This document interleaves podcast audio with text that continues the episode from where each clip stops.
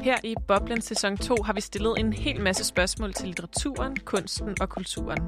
Sammen med en række litterater har jeg hver uge sat mig for at besvare et spørgsmål om den måde, som litteratur og kultur påvirker vores samfund og vores allesammens liv på. Vi har undersøgt og diskuteret, hvad litteratur og kulturvidenskab egentlig kan bruges til, og hvordan litteratur, kunst og kultur former vores liv. Men nu er det blevet tid til at høre, hvad jer, der har lyttet med, sidder med spørgsmål til litteraturen og kulturen. De kalder det et hovedværk, både i dit eget forfatterskab og i dansk litteratur. Dem, der inspirerer mig, dem jeg tænker sammen med, dem jeg laver politik og litteratur med. So what I'm going to do is just sit here and eat my book while you guys carry on. Vi fortælle om nogle af de her skæbner, så man kan mærke det. Mm. Så det ikke er for sjov. Jeg har sgu mere øh, autoritet end min forlagsdirektør og samtlige tosser på DR. Velkommen til Boblen. Mit navn er Veronika, og i det her program der har jeg undersøgt den rolle, litteratur og kunst spiller i samfundet, og hvordan det påvirker vores selvopfattelse, vores idéer og vores drømme. Og til at hjælpe mig med det, der har jeg løbende haft forskellige litterater med, og i dag der har jeg besøg af jer to, Josefine Perlestrøm Ludvigsen, velkommen til dig. Hej. Og Sofie Rikkendorf Andersen, velkommen til dig. Tak skal du have. Og øhm, det var også jer, der var med til at åbne ballet i den her sæson med vores første afsnit, og jeg er rigtig glad for, at I havde lyst til også at være med til sæsonafslutningen. Jamen, det er vi da glade for at være. Ja. Det er hyggeligt. Det er jo sådan et lidt anderledes øh, program, det her program, end resten af programmerne, fordi vi forsøger, i de andre programmer, der har vi forsøgt at besvare sådan et stort spørgsmål om et litterært eller kulturelt emne. Øhm, for eksempel, øh, hvorfor er alle helte ens? Eller, øh, hvad hedder det, hvad har vi ellers haft? Så har vi haft øh, er fanfiction rigtig litteratur? Ja, ja. Øhm, en hel masse forskellige sådan store spørgsmål om, øh, om et litterært eller kulturelt emne. Men fordi det er vores sæsonafslutning, så har vi bedt jer, der lytter med, om at sende de spørgsmål ind, som I sidder med. Og øhm, vi, har, vi har modtaget ret mange gode spørgsmål, synes jeg. Jeg glæder mig til at dykke ned i det. Jeg øh, kommer til at køre det sådan i dag, for at vi lige sådan kan få lidt øh, få sådan markeret, når der kommer nye spørgsmål. Så har jeg fundet nogle, nogle meget gode lyde, synes jeg selv, øhm, som I lige skal være forberedt på, fordi jeg synes, at vi skal, vi skal markere, øh, når vi skifter mellem spørgsmål. Så hver gang, at, jeg, øh, at, jeg, at vi skal til at have et nyt spørgsmål, så kommer jeg til at spille den her lyd. Den er god. Så Den kan er I god. ligesom lige sådan indstille jer på, at I skal, I Ja. skal til at svare på spørgsmål. Ja. Øhm, og, og så skal man jo også øhm, huske at blive belønnet for, at, øh, når man har svaret på et spørgsmål og øh, kommet omkring en hel masse ting. Og så øh, håber vi, at jer, der lytter med, kommer til at have det lidt ligesom dem her.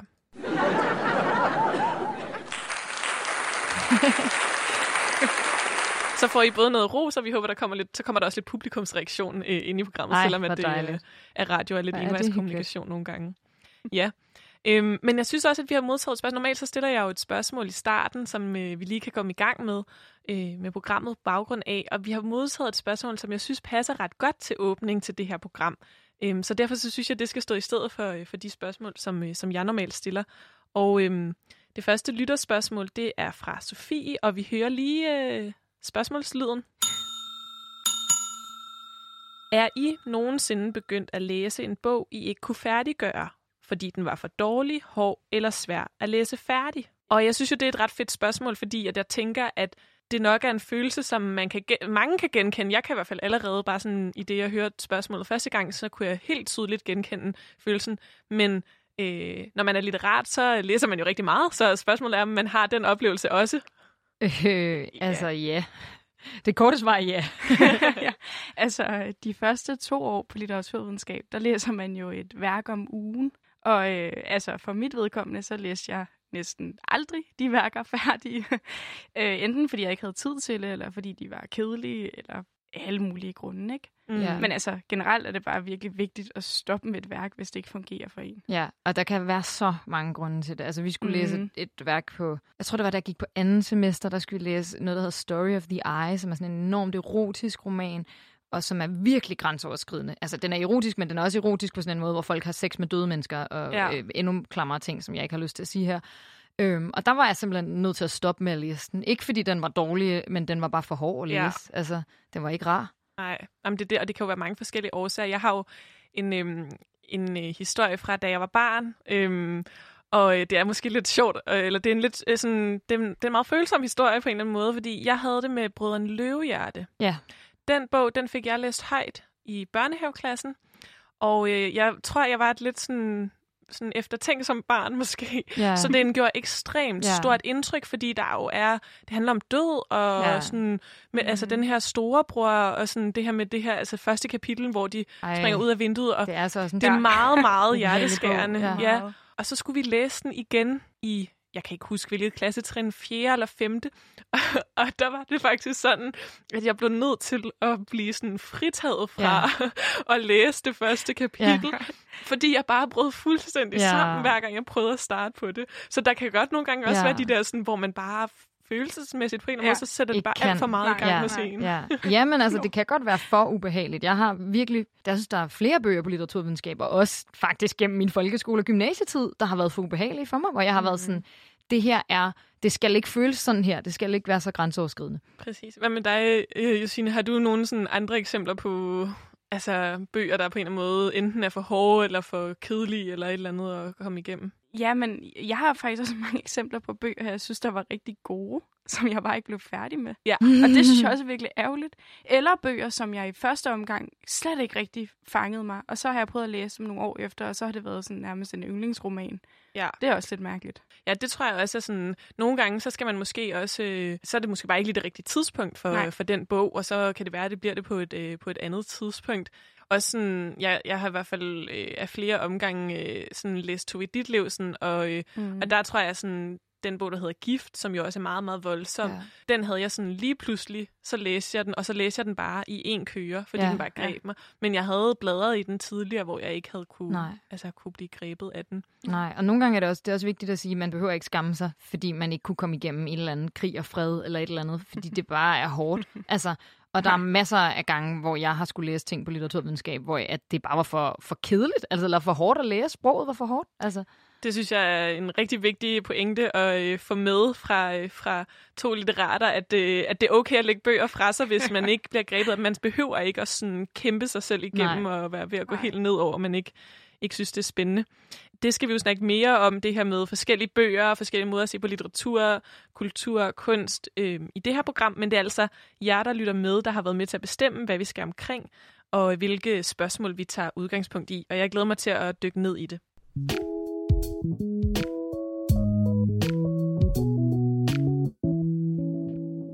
Og det første, vi skal omkring, det er, hvad der sker med bøger, når de går fra at være inde i en forfatters hoved, eller måske nede i deres skrivebordsskuffe, og så bevæger sig ud i verden og, øh, og møder læserne. Og øhm, jeg tror lige, vi skal starte med at høre det første spørgsmål, som vi har fået ind fra Sine, og I får lige endnu en gang en lille spørgsmålsmarkør. og spørgsmålet er, er al litteratur politisk? Og kan man adskille en forfatters holdninger fra vedkommendes værker? For eksempel i forhold til den debat, der har været og stadig er, om J.K. Rowlings transfobiske udtalelser. Vi skal lige have noget kontekst på det her spørgsmål. Fordi at J.K. Rowling, som jo er forfatteren til Harry Potter-serien, meget berømt, største bogserie i de seneste mange år, tror jeg godt, man kan sige. Der har jo været en sag med hende, og jeg ved ikke, om der er en af jer, der lige vil rise op helt kort, hvad det er, der er foregået. Jo, øhm, det kan jeg godt gøre. Mm, Det er... Øhm, øh, J.K. Rowling har udgivet en række tweets i foråret, øhm, som er blevet kritiseret for at være ret transfobiske. Øhm, og vi behøver ikke rigtig at komme ind på dem her, men der er i hvert fald flere skuespillere og fans af universet, der har været ude og tage afstand fra det. Og hele den debat øh, leder jo op til at kunne diskutere, hvorvidt et værk og en forfatter skal adskilles fra hinanden. Ja, fordi spørgsmålet er på en eller anden måde også sådan, når man, hvis J.K. Rowling er ude at sige nogle ting, som man egentlig synes er dybt problematiske, Ja. for eksempel, eller bliver såret over, eller et eller andet. Hvad betyder det så for, for, Harry Potter, for ens forhold til Harry Potter? ja. Øhm, og det skal vi snakke lidt mere om, og også snakke lidt mere, mm. altså jeg vil gerne høre fra jer også, hvad har, hvordan har man sådan i litteraturvidenskaben set på forholdet mellem, mellem forfatteren og deres, øh, deres bøger. Men vi skal lige høre et, øh, et klip, synes jeg.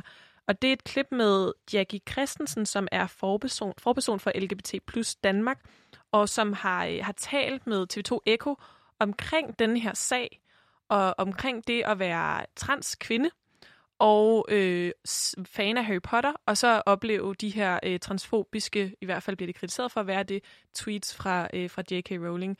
Og øh, det klip, det kommer lige her.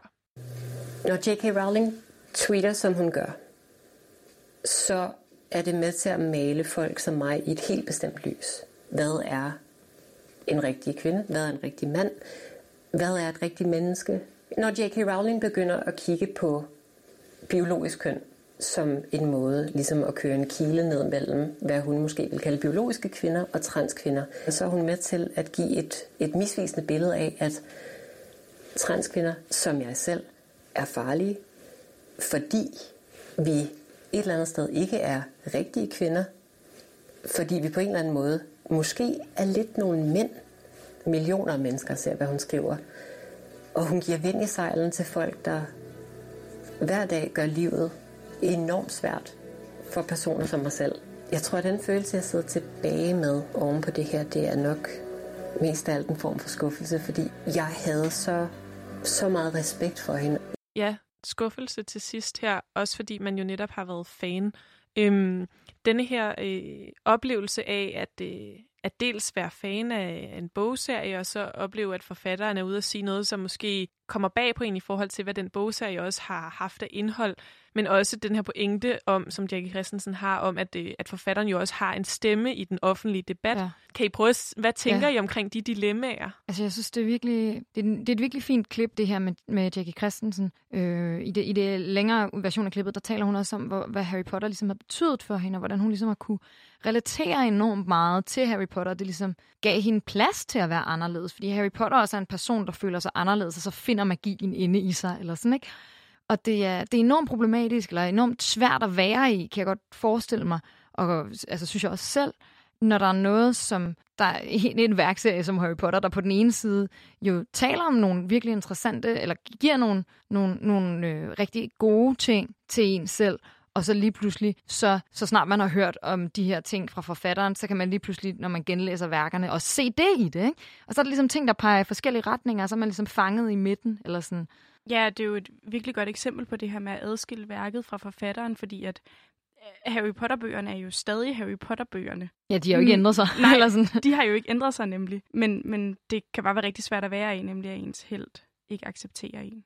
Ja, og måske, jeg tænker også på det her med, at bøgerne har jo ikke ændret sig, men, men kan det betyde noget for litteraturen, for den måde, vi læser bøgerne på, at vi ved, hvad forfatteren ligesom mener og tænker, eller hvordan påvirker det? Den, altså, kan man ligesom ja. Øh, slette det fra sit hoved næste gang, man skal læse Harry Potter, eller hvordan ja. skal man... Det er, jo, det er jo et stort spørgsmål i litteraturvidenskaben helt generelt, ikke? At, at jamen, øh, skal man læse en roman ud fra at man ved, hvem der har skrevet den, og hvem den person var, og hvad de lavede på de og de tidspunkter, da romanen blev skrevet, og hvilken erfaring de har med det land, romanen foregår i. Altså alle de der ting, ikke? Det er det, man sådan, på litteratursprog kalder en biografisk læsning. Det er der helt sikkert nogle af jer, der har haft om i gymnasiet, ikke?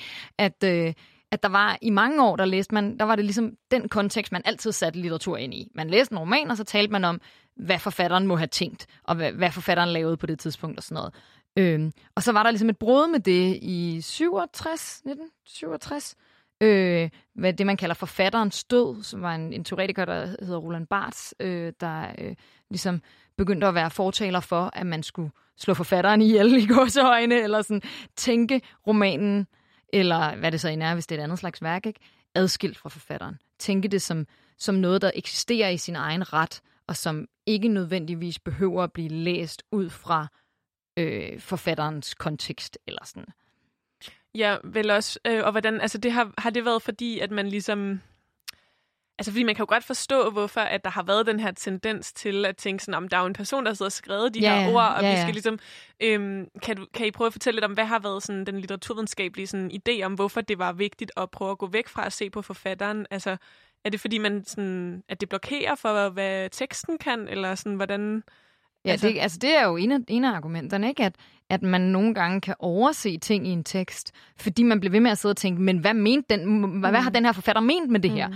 Og det kan fjerne fokus fra, hvad det værk kan i sig selv. Mm. Altså fordi jeg synes, der er netop det, det med Rowling kunne være et eksempel på, at man så fremover øh, måske vil glemme at lægge mærke til de øh, sådan lidt empowering til den, det, det den, dem, dem, der er anderledes, der også er tråde, der er i Harry Potter. Og så kan vi jo så diskutere, om man kan det 100%, men i hvert fald så, så øh, er argumentet ligesom, at, at der, det kan begrænse den læsning, man kan lave af værket. Mm. Det kan jo også være øh, positivt, at man ikke ligesom øh, stempler en forfatter som minoritetsforfatter eller sådan noget, ikke? men at man at man ser bort fra det, men samtidig er det også måske lidt vildt at tænke, at man fuldstændig kan skære forfatteren fra, ikke? Eller forfatteren er der jo altid.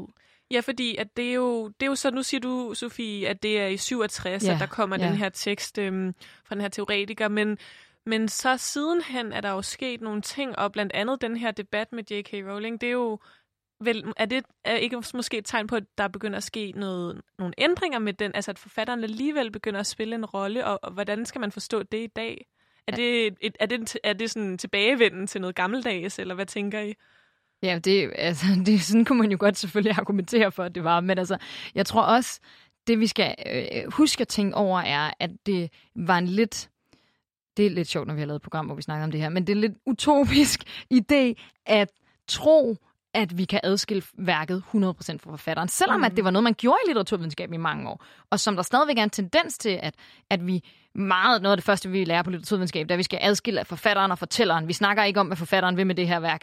Det, det snakker vi bare ikke om, eller sådan en gang imellem. øh, kan, kan det godt være den retorik, man ligesom får øh, oplever. Og, øh, og det, jeg øh, synes, er, at det kan godt nogle gange blive lidt privilegieblindt, fordi der er jo nogle forfattere, der aldrig nogensinde har fået lov til at have værker, der er adskilt. Som for eksempel du sagde, at man putter et label på noget litteratur, kalder det minoritetslitteratur. Eller sådan, at, øh, at man ligesom tager et... Øh, altså, der er ligesom nogen, der, der altid er blevet koblet på deres værker, aldrig har fået lov til at, at eksistere. Det er jo mm. sådan adskilt eller mm. uafhængigt. Ja, og det synes jeg, vi skal, det skal vi dykke mere ned i lidt senere i programmet, fordi vi også har fået et andet spørgsmål, som jeg synes relaterer sig meget godt til det her, som blandt andet handler om køn og litteratur. Mm. Men øh, nu får I lige en, øh, en lille publikumsreaktion på at, øh, at have været inde på at, øh, at prøve at besvare det her spørgsmål om forholdet mellem forfatteren og, og bogen. Ja. så, øh, så fik I lige lidt, øh, lidt klap for, for det. Og det skal man jo huske. Men vi har fået et andet spørgsmål, som er lidt i samme boldgade. Og øh, det skal vi også lige have en lille intro til. Hvor meget definitionsmagt eller definitionsret har en forfatter over sit værk, efter det er skrevet? Og her er endnu et Harry Potter-eksempel. Hvad er for eksempel mest kanon? Altså, at Dumbledore er homoseksuel, sådan som J.K. Rowling sidenhen har været ude og sige – eller at Harry og Draco i virkeligheden havde et romantisk forhold, sådan som det har fyldt i fanfiction. Og øhm, det relaterer sig jo lidt til det her med forholdet mellem forfatter og værk, men det handler måske også om sådan, når der er nogen, der har læst bogen, som også vil ligesom være inde over, hvad, hvad, hvordan man kan tænke, tænke det univers videre. Øhm, vil I lige rise op, hvad det er, der er sket med Harry Potter-universet siden øh, udgivelsen? Altså, det er jo blevet Ja. udgivet over mange år, men altså siden den sidste bog kom. Altså, ja, jeg vil gerne godt forsøge. Det er jo sådan en, det er en meget, meget stor ting, ikke? Fordi Harry Potter nemlig er et eksempel på et værk, der har fået en kæmpe eksistens, uafhængig af de oprindelige værker. Eller uafhængigt, men videre, som ikke er Rowling, der står bag, ikke? At, at efter Harry Potter, så er der kæmpe, kæmpe mængder af fanfiction. Der er kæmpe mængder af fanart, øh, altså maler, ting, tegninger og malerier og ting. Der er tegneserier, der digter videre. Øh, der er øh, en musical, der hedder Harry Potter Musical, som sådan også er et eksempel på øh, videredækning, gendækning, over, under, tildækning. Øhm, og der er ligesom alle mulige ting, der opstår i de her ting, som så bliver en del af fanmiljøet, af fandommen, øhm, og som så kommer til at være lige så ægte for alle fansene, som de ting, der rent faktisk står i bøgerne. Der er for eksempel et eksempel med, at øh, folk der fra Hufflepuff er gode til at finde ting. Det er en ting, som rigtig mange af Harry Potter-fans siger om Hufflepuff, altså i det er kollegerne i Harry Potter, selvom at øh, det ikke står i nogen af bøgerne, det er noget, der stammer fra en af de her ekstra ting, som Rowling overhovedet ikke har noget at gøre med. Og det, der så også er sket sideløbende med den her sådan, fankultur, det er jo, at J.K. Rowling også Ja, ja, selv præcis. har været ude og melde forskellige ting ud. I spørgsmålet er der det her eksempel med, at øh, hun var ude og melde ud, at, øh, at Dumbledore jo faktisk var homoseksuel. Ja, ja. Mm. Hun har jo også stået for at lave sådan et univers, Pottermore, hvor man kan gå ind og have en bruger, og hvor man også kan læse om sidehistorier til de andre.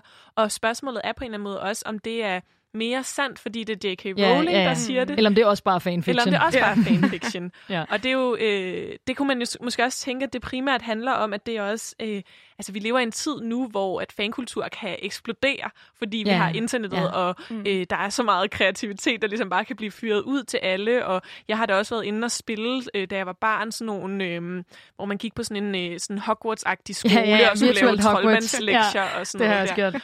Øhm, som var fanstyret.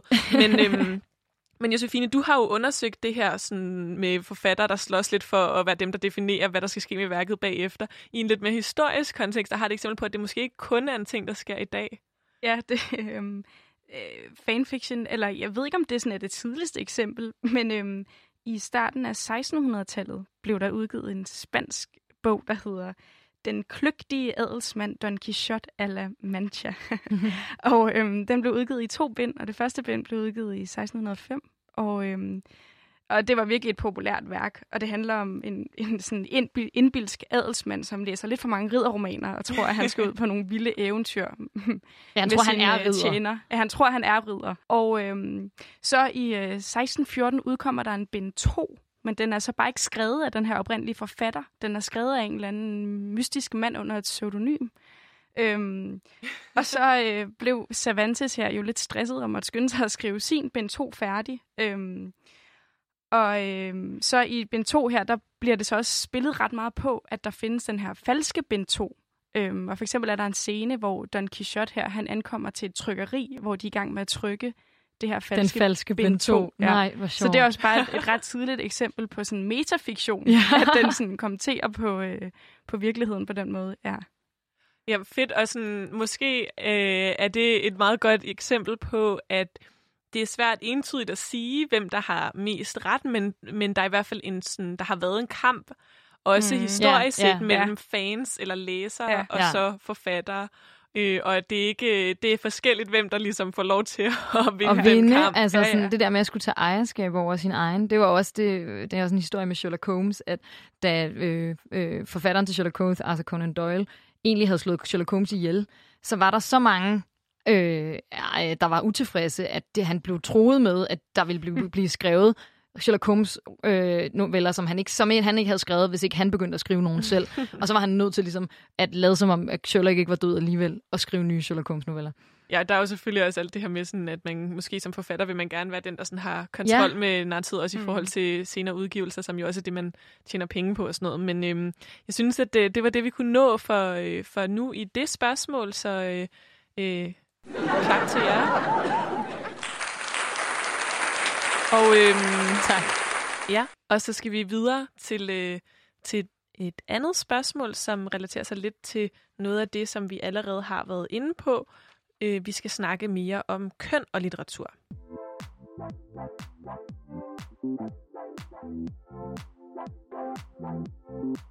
Du lytter til Boblen, hvor jeg, Veronika, sammen med en række litterater de sidste 12 uger har undersøgt og diskuteret, hvad litteratur og kulturvidenskab kan bruges til, og hvordan litteratur, kunst og kultur former vores liv.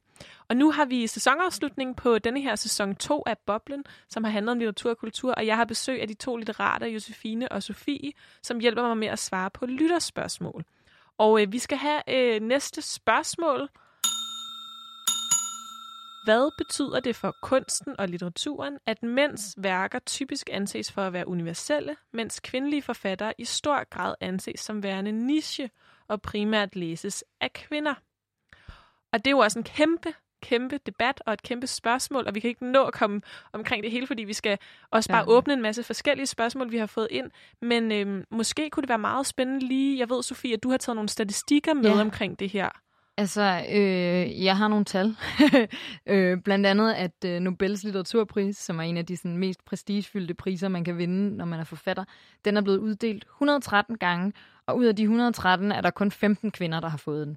Hvilket jo siger ret meget om, hvordan man ligesom generelt gennem tiden har set på kvindelige forfattere i forhold til mandlige. Øh, Ja, så vi kan i hvert fald konstatere, at den der sådan idé om, at kvinders øh, litteratur måske er mere nicheagtig, det kan man i hvert fald sige bliver afspejlet i uddelingen af den her meget fornemme Ja. pris, og der er i hvert fald kæmpe kønsforskel der. Ja, ja, ja. Jeg, jeg læste sådan en undersøgelse, øhm, som er blevet lavet på øh, Queen's College City University of New York, eller sådan et eller andet hedder det. Det er et, et universitet i New York. Der øh, er der en zoolog og en øh, matematiker, der har lavet en undersøgelse øh, øh, omkring øh, bøger, der er udgivet i Nordamerika. Og øh, i de 10 år mellem 2002 og 2012, at de titler, hvor at navnene, altså forfatternes navne, var åbenlyst kvindelige, de blev prissat 45 procent lavere end de, de, alle de andre bøger. Ikke? Så hvor, hvis man går ud fra, at forfatteren er en mand, så bliver den pris, prissat en del højere end, øh, end bøger, der er skrevet af kvinder. Og der skriver de så i den her artikel, jeg har læst en artikel fra The Guardian, at, øh, at øh, der også blev konkluderet i den her undersøgelse, at det nok var fordi, man gik ud fra, dem der prissætter bøgerne går ud fra, bøger skrevet til kvinder har et smal, eller skrevet af kvinder, er skrevet til kvinder. Har et smallere øh, audience, altså øh, publikum man når ud til, og derfor så er de nødt til at prissætte dem lavere for at få dem solgt. Så vi kan i hvert fald sige, at øh, en af de sådan, hvad kan man sige, konsekvenser af, at der i hvert fald er en eller anden form for kønsmæssig forskel i, hvordan vi ser på litteraturen, alt efter om det er skrevet af en mand eller en kvinde, eller hvad der umiddelbart i hvert fald bliver identificeret som en mm. mand eller en kvinde.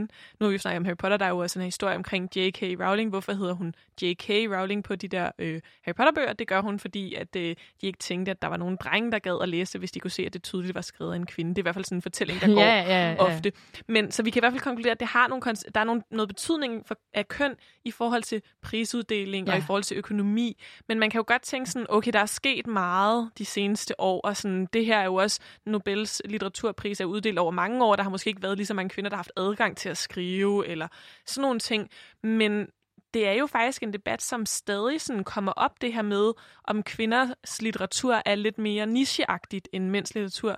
Og Josefine, det har du kigget lidt på. Mm. Ja, altså øh, i 2015, hvilket jo ikke er sådan forfærdeligt længe siden, øh, der øh, kom den danske akademiker Mette Hø med en, med en øh, artikel, som skabte ret voldsom debat dengang. Øh, den hed Dansk litteratur lider under kvindelige forfatteres dominans. Og øh, det øh, Hø blandt andet gjorde i den her artikel, det var ligesom at, at anklage en række unge øh, Øh, kvindelige forfattere, også nogle, hun nævnte ved navn, danske kvindelige forfattere, øh, for at være øh, navlepillende og ikke sådan øh, relevant for den almindelige læser. Øh, og det taler jo bare virkelig meget ind i den her meget også sådan litteraturhistoriske spørgsmål omkring, at, eller tanke om, at, at det mændene skriver er det universelle, og det kvinden skriver er det personlige og sådan den kvindelige erfaring, ikke?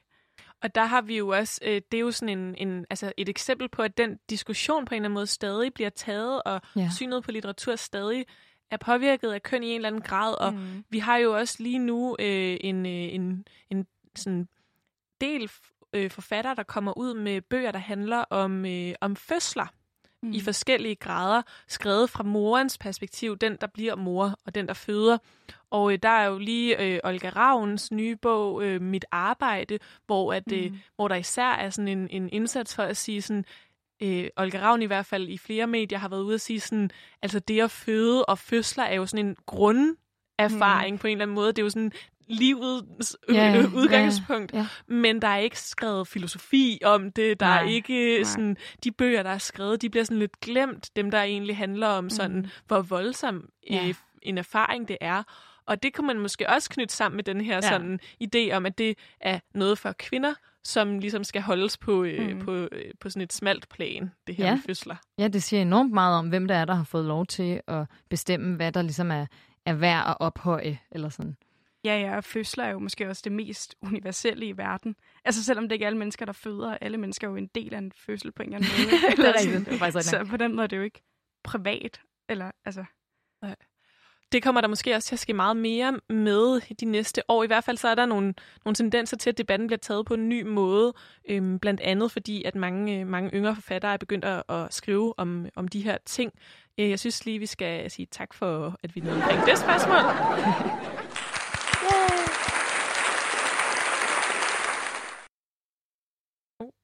Og så skal vi videre. Og øhm, jeg, har, øh, jeg har taget nogle flere spørgsmål med, øhm, som, øh, som vi lige skal, skal have. Og øhm, nu skal jeg lige finde det frem her. Øh, det næste spørgsmål, som vi lige skal høre en lille lyd med, det er, hvilken betydning har dannelsen af kanoner i forhold til brugen af bestemt litteratur i undervisning på sociale forhold? For eksempel, så er det min opfattelse, at man i mange amerikanske high schools læser To Kill a Mockingbird af Harper Lee, men racisme er jo, som bogen blandt andet beskriver, meget udbredt i USA. I hvor høj grad former de bøger, vi læser, vores verdensbillede, og hvor politiseret er for eksempel gymnasiepensum i Danmark? Endnu et rigtig stort spørgsmål i rigtig mange, med rigtig mange aspekter. Jeg, jeg tænker, at det, som er interessant måske at dykke ned i, eller som, som jeg synes er spændende at høre jer øh, og litteraturvidenskaben om, det er det her med dels øh, det her pensum, og sådan, hvor politiseret er det, og så det her med, sådan, altså, ja, altså, kan det betyde noget for vores verdensbillede, hvad vi læser? Kunne det ændre noget med, hvordan vi ser på verden, hvis vi læser nogle bestemte slags bøger? Er det et led i at skabe forandringer i verden? Og det er jo også nogle store spørgsmål. Virkelig... Øh... Men Sofie, du har, du har kigget lidt på, øh, på noget med kanon, Ja, eller pensum. altså der er i hvert fald enormt fastsat pensum, både i folkeskoler og i gymnasier, for hvad man skal læse af litteratur i dansk. Ikke? Altså det er sådan noget, som er, er ret øh, fastlåst faktisk. Jeg har fundet den, øh, den obligatoriske danske litteraturskanon i folke, fra folkeskolen. Jeg behøver ikke liste alle sammen op, men øh, det er sådan noget, når man sidder og læser det, så kan man tydeligvis se, at man har kommet igennem. Det er Martin Andersen Nexø og Tove Ditlevsen og Henrik Pontoppidan og Grundtvig og Øenslager og Holberg. Altså det er sådan, når man læser den, så kan man godt huske det hele. Ikke? Og så er der en, øh, en vejledende også, som også er rigtig lang. Altså det er nogle meget lange lister, jeg tænker, hvis man så også skal læse noget nutidig litteratur, så er der ikke plads til at læse særlig meget andet.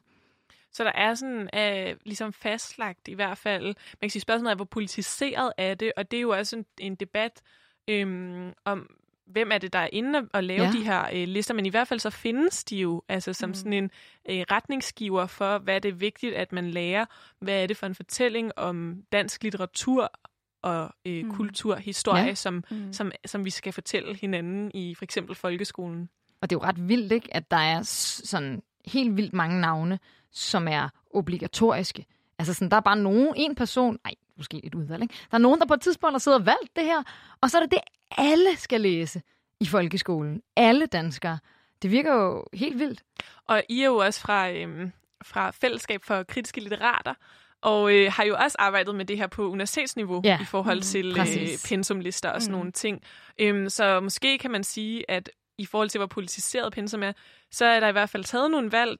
Det er ikke nødvendigvis altid politikerne, der har siddet og gjort det. Der kan også være andre fagpersoner. Der, det kan Mm. også være, at det sådan sker lidt automatisk. Nu hørte vi om det her med kønsskævhed i forhold til Nobelprismodtagere. Ja. Det er jo også med til at gøre, hvad, hvad man anser for at være vigtigt at læse. Det er jo også noget, det der bliver anset Der for er at også være kun to kvinder på den her obligatoriske dansk litteraturkanon, ud af Mm. ret mange. Ja, det er vildt nok.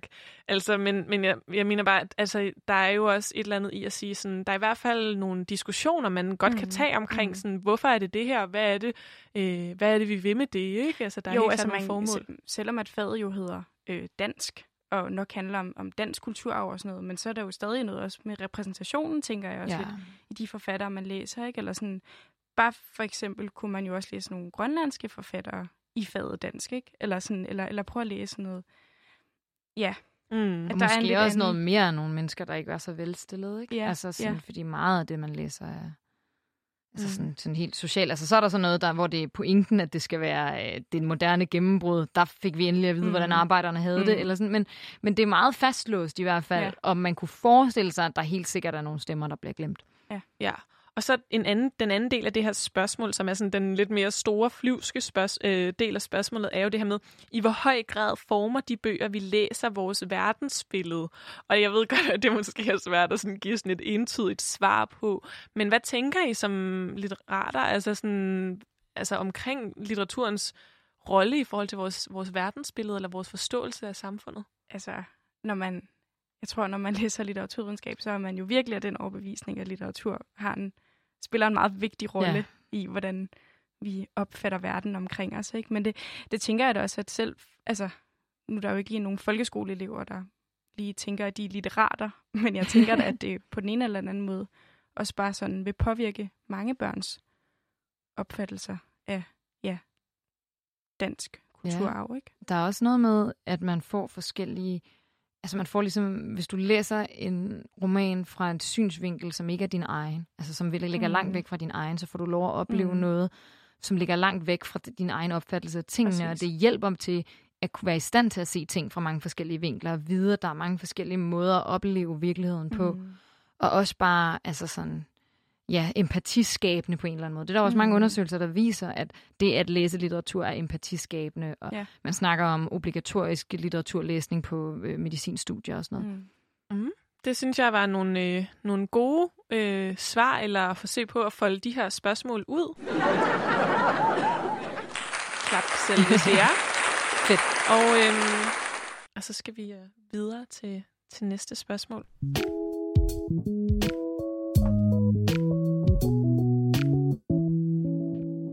Du lytter til sæsonafslutningen på Boblen sæson 2, hvor jeg, Veronika, sammen med de to litterater, Josefine og Sofie, svarer på de spørgsmål, som I lyttere har sendt ind til os om litteratur, kunst og kultur og de her forskellige tings relation til vores liv og vores samfund.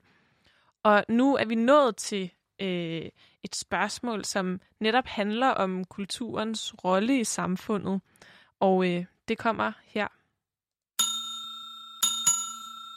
Der er meget debat om kultur i Danmark lige nu, især med Socialdemokratiets udmelding om, at der er lige så meget kultur i en håndboldhal, som der er i teateret, som har været meget omdiskuteret. Har I nogen bud på, hvorfor den debat er vigtig, og hvad der afgør, hvad der i bred forstand defineres som i citationstegn finkultur eller lavkultur? Så altså, den her debat, som har været i forbindelse med øh, kulturministerens øh, udmelding, øhm, som jo er sådan en politisk debat om, hvad man ser som kultur og sådan noget, men, men spørgsmålet kommer ind på det her, de her to begreber om finkultur og lavkultur, som jeg synes, det kunne være spændende at høre jer øh, dykke lidt ned i. Hvordan, ja, hvordan skal man se på dem, Ja. og hvor kommer de fra os? Altså, øhm, historisk set har man haft sådan det, der hedder mæscener, som er, øh, er rigmænd, der sådan har finansieret kunstnere økonomisk sådan tilbage i 1600-tallet og sådan noget.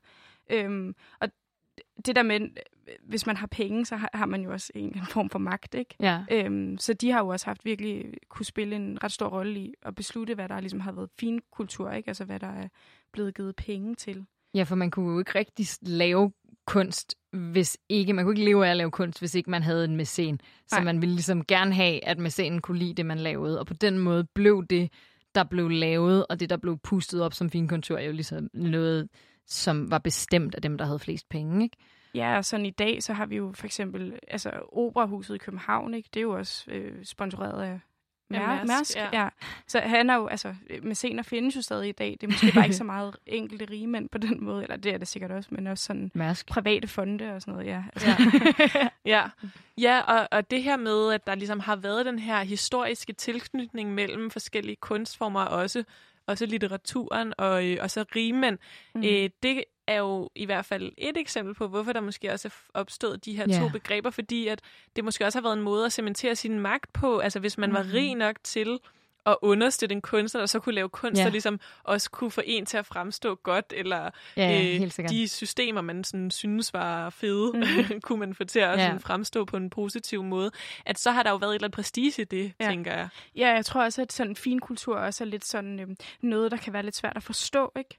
Altså sådan en, en opera, eller sådan, det kræver ligesom lidt mere, så derfor er det også, altså, Ja, så, så får man også- ligesom vægtet ting højere, Ja, bare fordi ja. de er svært tilgængelige. ja, Og det er jo generelt et, eller sådan, det, det er jo ofte et magtredskab, ikke en måde ligesom at holde mm. nogen udenfor. Så derfor synes jeg også, den er vildt interessant, den her debat med sådan, når man en håndboldhal, og jamen, hvad er filkultur, hvad er lavkultur, fordi der er virkelig nogle, altså der er nogle ting i det, som, som er super problematiske. Er det ikke også lidt som om, at, at det der med finkultur, og så det modbegrebet som lavkultur, som man måske mest bruger som sådan en, en måde at udskille ting Ja. på, udskamme, altså at det også har en tendens til at være sådan, at det lavkulturelle, det er også det populære. Ja. Altså så sådan det, som der er mange, der godt kan lide, det, altså det, at der er mange, der godt kan Ja, lide, det kan det nogle gange i sig selv være sådan med til at gøre, at Ja. det ikke er så finkulturelt. Ja, det, det er helt rigtigt. Der er tit, altså, det er sådan, at det er også med populær musik, ikke? Det er musik, som der er rigtig mange, der godt kan lide. Sådan folk, der virkelig går op i musik, de tør jo ikke indrømme, at de godt kan lide Taylor Swift. Altså, det gør de jo bare ikke. Og jeg elsker Taylor Swift, og jeg har bare skammet mig over det hele mit liv. Men altså sådan, det er spøg til side. Men, men altså, det, der, der er ligesom et element af, når man, hvis der er mange, der godt kan lide det, så må det være meget mm. tilgængeligt, og Mhm. derfor må det være ikke lige så meget værd. Mm. Nej, finkulturen er for de få. Ja, Eller der er virkelig sådan ja. et element af lukket klub over Ja, ja. Og så er der jo også, altså nu var du inde på, Josefine, den historiske dimension med det her med økonomien, ikke? Altså i forhold til sådan, øh, altså den her måde, man har fået skabt kunst på, ved at der har været nogle rigmænd, der har finansieret de her kunstnere. Men jeg, kommer til- jeg står bare og tænker på, at der jo stadig er et eller andet økonomisk spørgsmål, måske også i, at øh, for eksempel så er det jo ret dyrt, for, mm. Mm. medmindre man kan få studierabat på nogle bestemte ting, så er det jo ret dyrt at gå i operan for eksempel, Mm. mm. eller også i teateret Ja. kan også Mm. øh, være, være ret dyre oplevelser. Ja. Og jeg tænker på, om det måske også har noget med altså, den debat at gøre. Ikke? Altså, sådan, der er stadig i hvert fald er en eller anden arv fra den der tradition med, at, at man skulle have penge for at få Mm. mm. adgang til de her ting. Øh, for at få adgang til kulturen eller kunsten. Og det på en eller anden måde stadig spiller en rolle. ja, helt Mm. sikkert.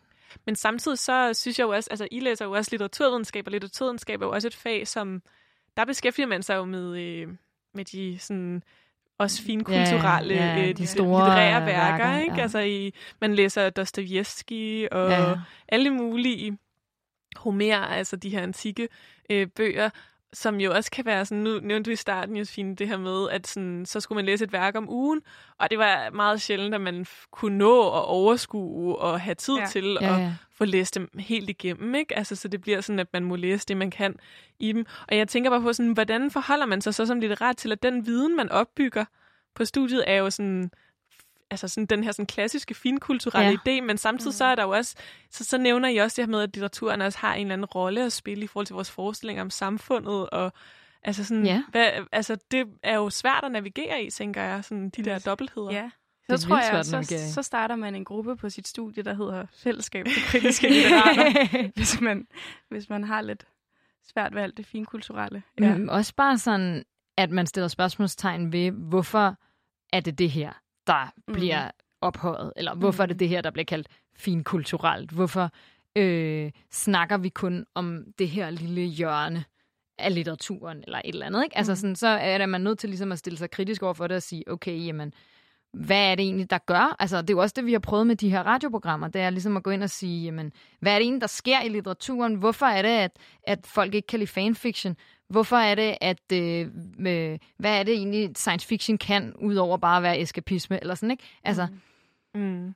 Så der ligesom bliver en eller anden forsøg på at sige sådan, man, man kan måske også få sådan en skamfuld følelse over, at man ikke har læst det rigtige. ja. Mm. Og så gå ind og sige sådan, hvor kommer den skam fra? Måske er den også konstrueret, eller sådan, måske har den også nogle ja. problemer i sig.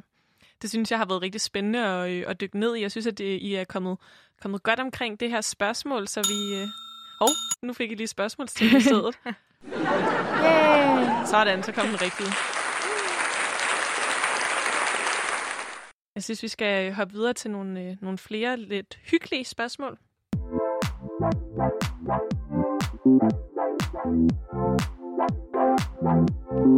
Fordi netop fordi det er det her, øh, den her sæsonafslutning om øh, litteratur, så tror jeg også, at så...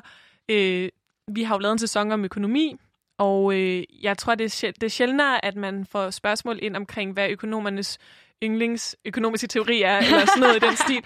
Men, øh, men det kommer jo, når man snakker om litteratur og kultur, fordi det er på en eller anden måde noget, der er flere, der har i hvert fald et eller andet forhold til. Ja. Øhm, og øh, derfor så har vi også fået nogle spørgsmål, som jeg synes er vildt øh, dejlige også at høre jer om.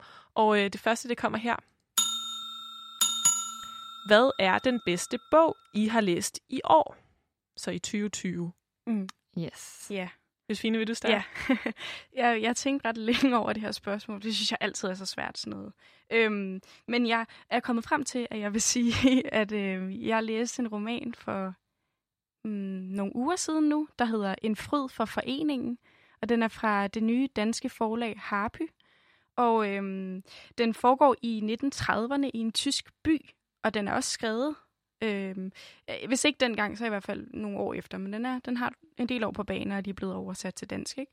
Øhm, og den, øhm, øh, den er ret mærkelig, og den er ret svær at læse. Og øh, det tog mig virkelig lang tid at komme ind i, i hende forfatteren, Marie-Louise Fleischers øh, sprog. Men da jeg først var derinde, så var jeg helt vildt optaget af den. Mm. Fedt. Og hun skriver på en virkelig vild måde. Og så handler den om et, et ungt, umage par og deres romance i mellemkrigstiden. Og den, den har bare et virkelig skørt persongalleri også. Og så har den en ret sjov undertitel. Øhm, den hedder... Øh, den hedder ja, En fryd for foreningen, og så hedder, hedder den En roman om rygning, sport, kærlighed og handel. og så har den også bare en meget smuk forside, det kan jeg også godt lide. Fedt. Og jeg tænker, at den lyder næsten som, nogen, som noget for nogen, der har været optaget af tv-serien Babylon Berlin. Ja, Ja, og jeg havde næsten lige set Babylon Berlin, og var meget optaget af den også, så det, den fedt. Det kan være, at jeg også skal prøve. kom et perfekt sted. At Den passede lige an. Ja. Hvad med dig, Sofie? Jeg, jeg synes faktisk, det er meget sjovt, at vi lige kom til at snakke lidt om timing med det der med, at du lige havde set Babylon Berlin, og så læste du en bog, der lige passede ind i det. Fordi jeg tror, at den bog, der har, eller den læseoplevelse i hvert fald, der har gjort størst indtryk på mig her i 2020, det er øh, en ny roman, der hedder Tour de Chambre af Tine Hø, som øh, jeg læste lige da alt var lukket ned med corona, og jeg var i karantæne, i, i godsøjne i karantæne, men jeg var, jeg var sammen med mit kollegekøkken hele tiden. Der var ikke nogen... Jeg, I tre uger så jeg ingen andre mennesker i min kollegekøkken. Og selv da jeg begyndte at se andre mennesker, var det kun min kæreste efter de der tre uger. Jeg så ham en gang imellem. Ikke? Så sådan en enormt intens følelse af bare at skulle have hele sit liv sammen med fire andre øh, mennesker. Og ligesom den der sådan... Ja, sådan en kollegiestemning, og det er det, den her roman handler om. Den handler om kolleg, om den er en kærlighedserklæring på en eller anden måde til nogle kollegieår. Øhm, og den, den faldt bare lige ind i, altså timingen med, at den udkom lige inden corona. Jeg nåede at købe den, inden øh, bog- boghandlerne lukkede ned. Øh, eller også var det lige omkring der, jeg kan ikke huske det. Men sådan, det, var, altså, det var sindssygt, og det var præcis sådan, som jeg havde det. Den beskrev vidderligt, altså jeg sad i mit køkken og læste om køkkenskabslover øh, øh, med øh, avisudklip på, samtidig med, at mine venner fra mit køkken sad og klippede ting avisudklip på. det. Altså sådan, det var så intenst, og der var så meget kærlighed i den til mm. det der. Og det var lige bare det, jeg følte på det tidspunkt. Så det var bare sådan den vildeste læseoplevelse. Det var så fedt. Ej, hvor dejligt. Ja, det lyder Ja, det var virkelig fedt. skønt. Meget meningsfuldt. Og nu kommer der... Ja, det var faktisk den, jeg ville ramme, men jeg glemte jo helt, at I lige skal have lidt applaus. Fedt. Men jeg vil øh, hoppe videre til, til det næste spørgsmål. Hvilke bøger kan I anbefale lige for tiden? Det er jo sådan, øh, glider meget godt direkte over fra. Det er nærmest anbefalinger, I har lavet mm. med, de, med de to bøger, I lige har nævnt. Men er, Ja. der, er der andet, som I synes... Altså på en eller anden måde, det kan jo også være noget, som I synes, at det passer godt til tiden lige nu, Mm. mm. at dykke ned i øh, altså ældre værker for eksempel, eller nogle udgivelser, I synes, man skal holde øje med, som kommer, eller, eller et eller andet. Øhm, Sofie, vil du starte? Øh, wow. det ved jeg ikke Det må lige. også godt være bare et eller andet, du synes er fedt. Som... Altså sådan, jeg vil i hvert fald gerne anbefale den bog, jeg lige talte om, til alle, som mm-hmm. altså, har lyst til at læse det, og især til folk, der bor på kollega. men øhm, jeg, eller har gjort det engang og gerne vil mindes det. Øhm, men jeg synes også, altså helt generelt, at der i øjeblikket, i, at det ligesom er tid, en god tid til at læse nogle øh, bøger, der øh, forestiller sig, at hvad, virkeligheden er anderledes, end den er lige nu. Altså læs noget science fiction, mm. noget mm, Ursula Le Guin eller et eller andet, noget, som, mm. som forestiller sig nogle andre virkeligheder, fordi at alting lige har været så anderledes, end man er vant til, så radikalt anderledes. Mm. Hvad med dig, Mm. Josefine? Altså, jeg læser normalt virkelig meget ny dansk litteratur, og ikke så meget ny amerikansk litteratur. Eller sådan, der føler jeg tit, jeg læser sådan noget gamle værker, man skal læse. Ja. Ikke? Øhm, jeg har lige læst en bog, der hedder Mit år med ro og hvile, som er fra, jeg tror, den er et par år gammel eller sådan noget. Og den er, det er noget andet end den her En frid for foreningen, hvis det er afskrækket folk lidt. Den her er virkelig nem at læse, og den er virkelig sjov og mærkelig, og den handler om en ung kvinde i New York i starten af nullerne, som lever sådan et ret sådan jetsetter-liv, men hun er bare mega træt af det. Og så beslutter hun sig for at sove i et år, hjulpet på vej af alle mulige forskellige former for medicin og sovepiller og sådan noget. Okay. Og den er ja. meget syret, samtidig med, at man sluger den, fordi sproget er meget let. Men den er mærkelig, og den er vild og underlig. Ja. Og passer måske godt til den her sådan lidt underlige Igen. corona Ja, dvale. ja, ja, Underlig, igen, øh, præcis. Ja. Ja. Ja, så den vil jeg anbefale. Fedt. Tak for anbefalinger. Ej, det er godt, I kan gøre øh, vores, øh, vores pseudo-publikum så glade med jeres anbefalinger. Øhm, vi har lige et, øh, et andet spørgsmål, som passer lidt i forlængelse af dem her. Har I en favoritforfatter, hvis bøger I bare skal læse, når de udgiver et nyt værk? Det kan også være måske en forfatter, som ikke længere udgiver bøger, men som I har sådan en følelse af, at I skal læse alle deres værker. Ja. Altså, det tænker jeg, at vi lige kan udvide det lidt til. Mm. Men Josefine, vil du starte? Det Det synes jeg også var et svært spørgsmål. Jeg er, ikke, jeg er ikke så god til at have favoritter. Jeg har heller ikke en livret, for eksempel. men, øh, men jeg tænkte længe over det, og øh, jeg, jeg læser virkelig mange nye danske forfattere. Øhm, og så kom jeg frem til, at jeg måske godt ville svare, at det var øhm, Nana Stor Hansen, øhm, som nemlig er en, en ung dansk forfatter. Øh, hun har udgivet tre digtsamlinger, og dem har jeg bare været meget optaget af. Og Ja. ja. ligesom slugt dem alle tre, og sådan glæde mig til, at der kom noget nyt fra hende. Ja, ikke? ja. fedt. ja. Altså- dig, Sofie? Jeg tror, det kommer lidt an på, hvad det er. Ikke? Altså sådan, fordi nogle gange, så hører man, at der kommer noget nyt, og så glæder jeg mig helt vildt. Altså sådan, øh, jeg har for eksempel glædet mig til Olga Ravns nye udgivelse, netop mm. fordi den handler om sådan noget med graviditet og sådan noget, som jeg synes er enormt spændende. Øhm, men det kunne sagtens være, hvis det var noget andet, det så handlede om, at jeg ikke nødvendigvis, eller sådan, mm. altså, hvis Tove Ditlevsen stadigvæk levede, ikke?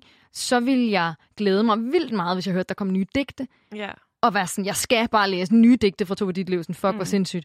Men øh, hvis det var en roman, så ville jeg måske være sådan, det er ikke sikkert, jeg får læst den. Altså sådan, ikke? At, Ja. ja. der, det kommer også an på sådan, altså, sådan lige præcis, hvad det er. Men tit når man jo at høre på forhånd lidt om, hvad det er. Så kan man godt Mm. gå og nå at gå sådan og glæde sig. Men jeg, Mm. jeg tror ikke, jeg har det med nogen forfattere. Jeg har en... Øh, der er en øh, performer, der hedder Jeanette Albeck, hende fra Sort Samvittighed.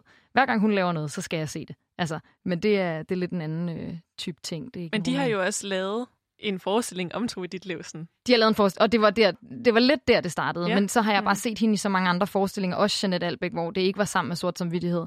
Og som musiker har jeg set hende spille op på Roskilde Festival, hvor hun også var, det var også var fantastisk, og nu er jeg bare blevet så forelsket i alt, hvad hun laver. Så der, der fangirler jeg en lille smule. Der, Det er alt, fedt. hvad hun laver. Vi skal Jeg, huske at fangirl. ja, jeg tror, det er rigtig vigtigt. Jeg har i hvert fald lige været alene i teateret og se Brygger, hendes nye forestilling, fordi jeg bare var sådan, jeg skal bare se det. Altså, Perfekt. Det var dejligt med nogle gode anbefalinger. ja, også det. Vi er øh, ved at være nået til vejs ende i øh, sidste afsnit af Boblen sæson 2 om litteratur og kultur. Rimelig vildt. Øhm, jeg vil gerne lige slutte af med at spørge jer sådan lidt kort, men øh, det er et stort spørgsmål, så det er jo jeres udfordring for, for i dag. Øhm, hvad er det vigtigste at tage med fra den her sæson, som, øh, som vi har lavet om litteratur og kultur? Hvem har lyst til at starte? Ja, altså, øh, ja, det kan jeg godt. øhm, jamen, øh, altså som jeg også sagde før, at det der med, når man læser litteraturvidenskab, så har man, at man virkelig er den overbevisning, at litteraturen godt kan ændre noget i verden, ikke? Og det tænker jeg også, at, at det, det kan man tage med sig fra den her sæson, at litteratur og kunst både kan sige noget om samfundet, som det er, og også kan sige noget om samfundet, som det kunne være. Ja, altså kan gøre en reel forskel. Det Mm. tror jeg også er noget af det, jeg er allermest fokuseret på, at Mm. at det her viser, at litteratur og kunst generelt og kulturprodukter ikke bare er et eller andet lidt nicheagtigt, der sker over i et hjørne, og så kan man gå over og forbruge det lidt, hvis man har, har tid og penge. At det faktisk er noget, som, som går ud og gør en kæmpe forskel, og som gør en forskel for den måde, vi tænker, og den måde, vi oplever andre mennesker på, og den måde, vi sådan relaterer til hinanden. Og, Mm. Altså sådan, at litteraturen er ligesom det sted, hvor at, at, at de ting, som er umulige kan, at sige med ord, at lige pludselig kan blive sagt med ord alligevel, og man kan sådan forstå det inderst inde i kroppen. Eller sådan. ja.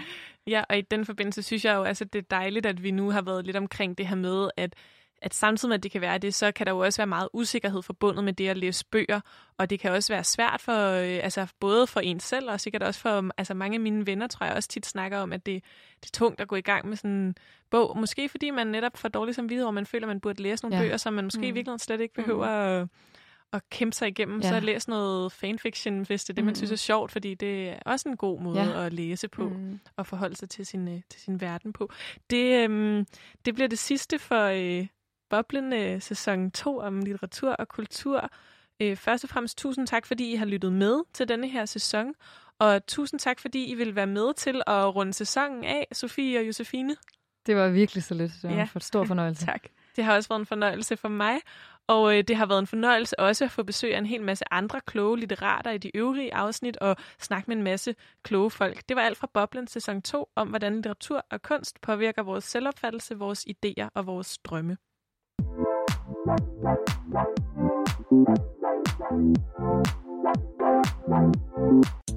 Du lyttede til Boblen. Programmet er produceret af Danske Studerendes Fællesråd. Programmets værter var Josefine Perlestrøm Ludvigsen, Sofie Rikendorf Andersen og Veronika Arnsbøl Schulz. Programmets redaktør var Toge Daler. Musikken er produceret af Esben Kelsen Krav, og vi spillede klip fra TV2 Eko. Tak til Fællesskab for Kritiske Litterater, og tak til jer, der lyttede med. Husk, at du altid er velkommen til at sende dine kommentarer, idéer, ris og ros ind til os, så vi ligesom i dag kan inddrage de pointer, som du sidder med. Gør det ved at skrive ind til os på boblen eller finde Radio Loud på Facebook eller Instagram. Nu er det tid til nyheder.